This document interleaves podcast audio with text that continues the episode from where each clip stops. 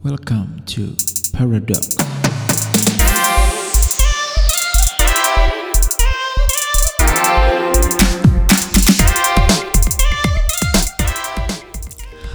Oke oke guys, welcome. Ketemu lagi dengan gue Evan di sini dan di mana pun kalian berada, mau di udara, di darat ataupun di dalam air, you guys listening to Paradox.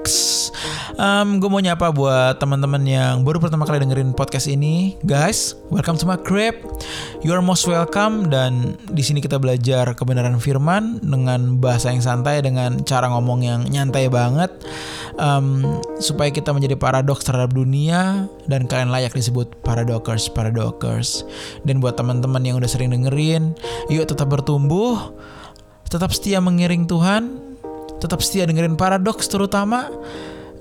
Jangan ekstrim-ekstrim lah guys kalau pengen minta upload. Sampai ada yang ngancem gue kok Evan kalau lu nggak mau upload paradoks gue pindah agama. Langsung gue bilang oke oke oke oke gue upload. Demi lu gue upload dan demi semua gue upload. Sampai gue ngomong gitu coba lu bayangin aja. Ngefans banget kan sama paradoks so ya yeah, this is paradox guys. Oke, okay, udah ya. Uh, biar gue nggak sombong, kita ganti topik aja.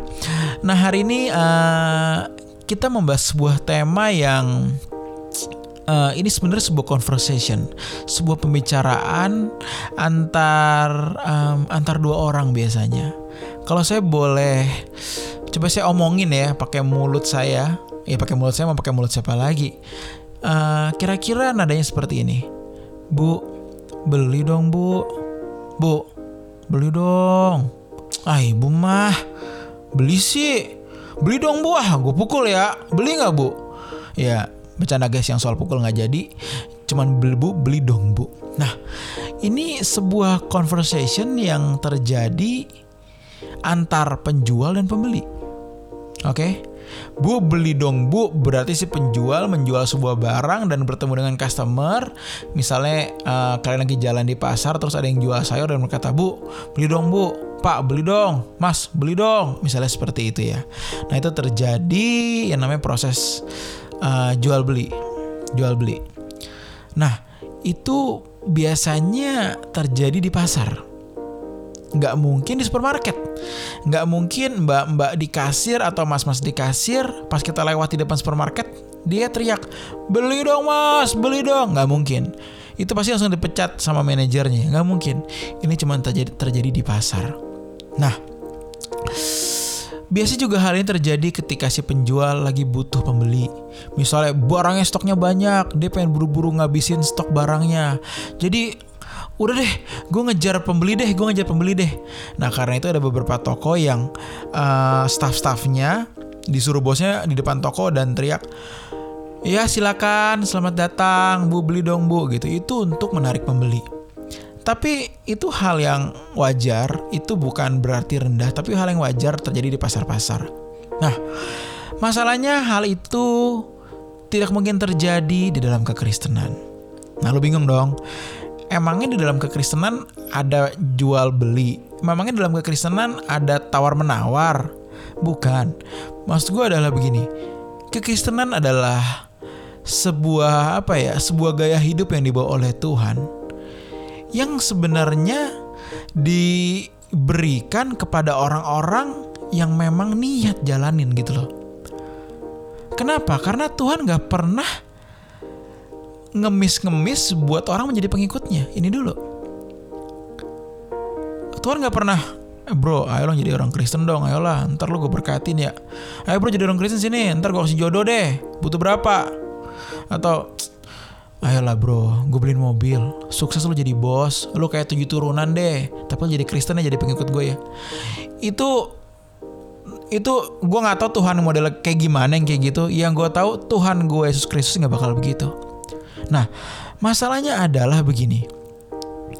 Mungkin lo bisa bilang, apa gue jadi orang Kristen juga Tuhan gak minta-minta gue tapi gue mau jadi orang Kristen I know tapi lo sadar gak kenapa lo Kristen Sebagian besar kita menjadi seorang Kristen karena orang tua kita. Pertama. Kedua, karena ngikutin pacar biasanya. Nah, dan kemungkinan ketiga adalah karena kita pengen belajar dan ternyata kita menemukan kekristenan ini agama yang paling benar. Tapi yang ketiga ini kemungkinannya kecil, sangat sedikit. yang terbesar adalah yang ikut orang tua. Jadi lu dari lahir begitu owe langsung Kristen lo. Harusnya begitu owe, lu jangan owe, lu haleluya. Itu menunjukkan lu benar-benar Kristen banget gitu loh. Dari orang udah haleluya gitu loh. Nah, kita tuh udah Kristen dari kecil. Dan hal itu terus menjadi sebuah apa ya? Menjadi sebuah gaya hidup kita. Kita minggu harus ke sekolah minggu, berawal dari sekolah minggu ke remaja, pemuda dan ibadah umum. Itu sudah menjadi sebuah apa ya? rutinitas lah, sudah menjadi sebuah gaya hidup. Nah, masalahnya apakah kita benar-benar Kristen dengan cara seperti itu? Sekali lagi ya, ini ntar gue hubungkan dengan tawar-menawar yang tadi, dengan proses penjual dan pembeli tadi. Nah, Tuhan itu nggak pernah mengajak seseorang dengan cara ngemis-ngemis buat menjadi pengikutnya. Di dalam Matius 19 ayat yang ke-20 ayat ke-16 sampai ke ayat 26 di situ ada perbincangan antara orang muda kaya dengan Tuhan Yesus. Jadi doi datang kepada Tuhan dan berkata, "Tuhan, uh, aku ingin hidup kekal gimana caranya?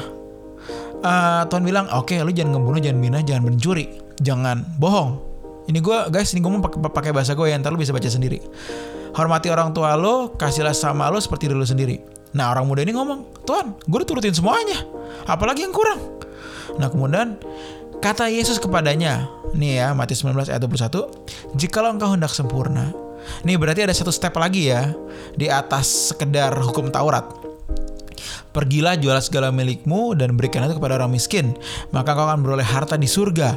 Kemudian kemudian datanglah kemari dan ikutlah aku. Nah, di 22 nih yang masih lo taruh fokus lo. Ketika orang muda itu mendengar perkataan itu, pergilah ia dengan sedih sebab banyak hartanya. That's it. Langsung pergi, langsung di situ Tuhan ngobrol sama teman sama murid-muridnya sama teman-temannya lagi. Ya teman jalan sih, sama murid-muridnya. Uh, murid-muridnya naik gini, Tuhan, gila kalau gitu siapa yang bakal masuk kerajaan surga? Tuhan bilang ya bagi Allah nggak ada yang mustahil. Even bagi manusia itu mustahil. Nah, di sini poin yang pengen gue share sama kalian adalah begini. Ketika orang muda ini sedih karena banyak hartanya dan pergi, karena Tuhan bilang apa? Jualah segala hartamu, balik bagikan pada orang miskin, datang kemari ikut gue gitu. Orang muda ini langsung nunduk dan pergi. Tapi di sini tidak diberikan uh, kata-kata uh, yang keluar dari mulut Tuhan Yesus yang berkata, oke okay, oke okay, oke okay, oke bro sini lu ikut gue deh, oke okay, oke okay, udah harta lu lu pegang aja, lu foya-foya nggak apa-apa, lu ikut gue. Guys, nggak ada ataupun Tuhan berkata oke oke oke sini sini kenapa sih sedih ayo deh yuk ayo lu butuh apa emangnya? Apa yang ayo kita tawar menawar deh. Ayo apa yang perlu ada yang apa yang perlu gue kurangin? Guys nggak ada. Nggak ada yang kayak gitu. Tuhan tuh bilang ikut gue. Ya ayo. Syaratnya A B C D. Nggak mau pergi. Nah masalahnya sebagai anak Tuhan hari ini kita nggak tahu standarnya apa. Kenapa karena dunia udah terlalu banyak mempengaruhi kita sehingga kita nggak tahu standar orang Kristen. Kita hanya berpikir, oh jadi orang Kristen tuh ke gereja, jadi orang Kristen tuh pelayanan. Kalau mau keren lagi ya khotbah. That's it, sampai situ doang. Padahal sebenarnya menjadi anak Tuhan adalah bagaimana kita mengenakan hidup Kristus lewat perkataan, perbuatan, pikiran, tingkah laku segala macamnya. Sehingga kalau kita hidup seperti itu kita menjadi paradoks dan lu layak disebut apa? Paradokers, paradokers. Nah, ini loh harga sesungguhnya menjadi ikut menjadi pengikut Kristus. Nah, kalau dia tadi dikatakan pergilah jualah segala milikmu. Maksudnya apa? Bukan jadi miskin campang-camping, no.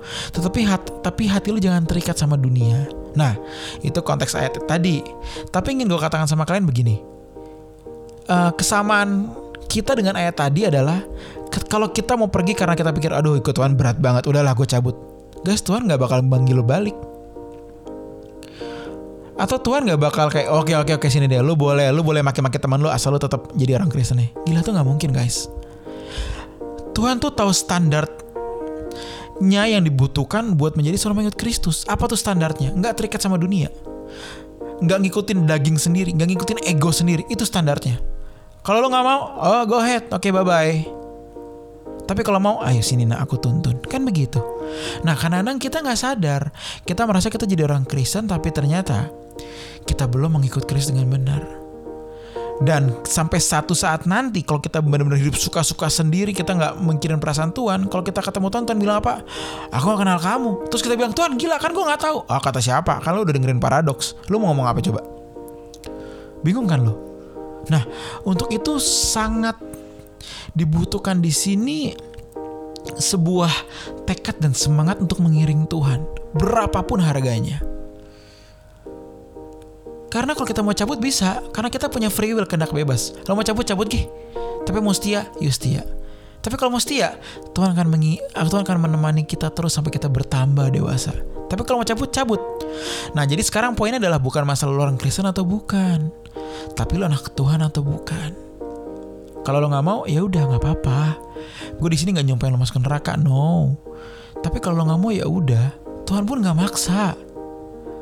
Sekarang kunci paksaan itu di tangan kita. Kita mau maksa diri kita nggak? Kita mau melangkah untuk men- mendekat kepada Tuhan atau menjauh? Pilihannya cuma mendekat atau menjauh.